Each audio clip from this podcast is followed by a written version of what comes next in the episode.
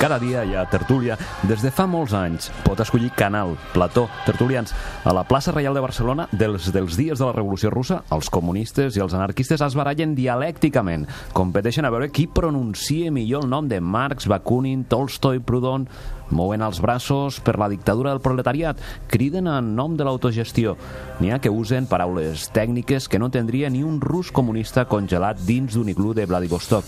D'altres no diuen res i quan tothom calla llencen una frase que talla caps com un sabre de capitan tots els sars russos. Canviem de plató.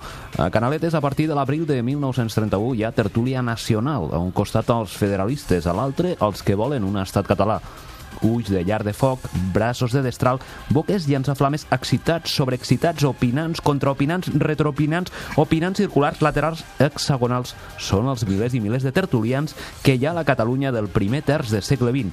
El país és ple de platós fixos, improvisats. Hi ha tertúlies al carrer, a les cantonades, a les terrasses, a les tavernes.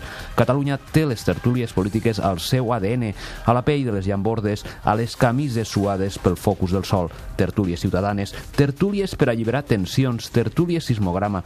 No és estrany que en aquestes tertúlies de la Catalunya dels anys 20 i 30 els polítics paressin l'orella, a veure què diu la gent, a veure què palpita el poble. No és estrany que en aquells moments de nervis orals concentrats com beguda refrescant, després el polític fes néixer una frase estereotipada d'eternitat.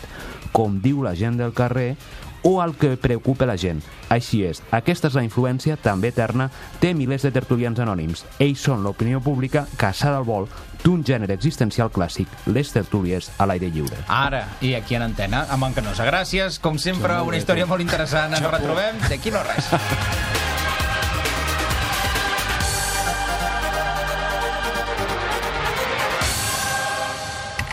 Toni Aire i els Spin Doctors a Catalunya Ràdio.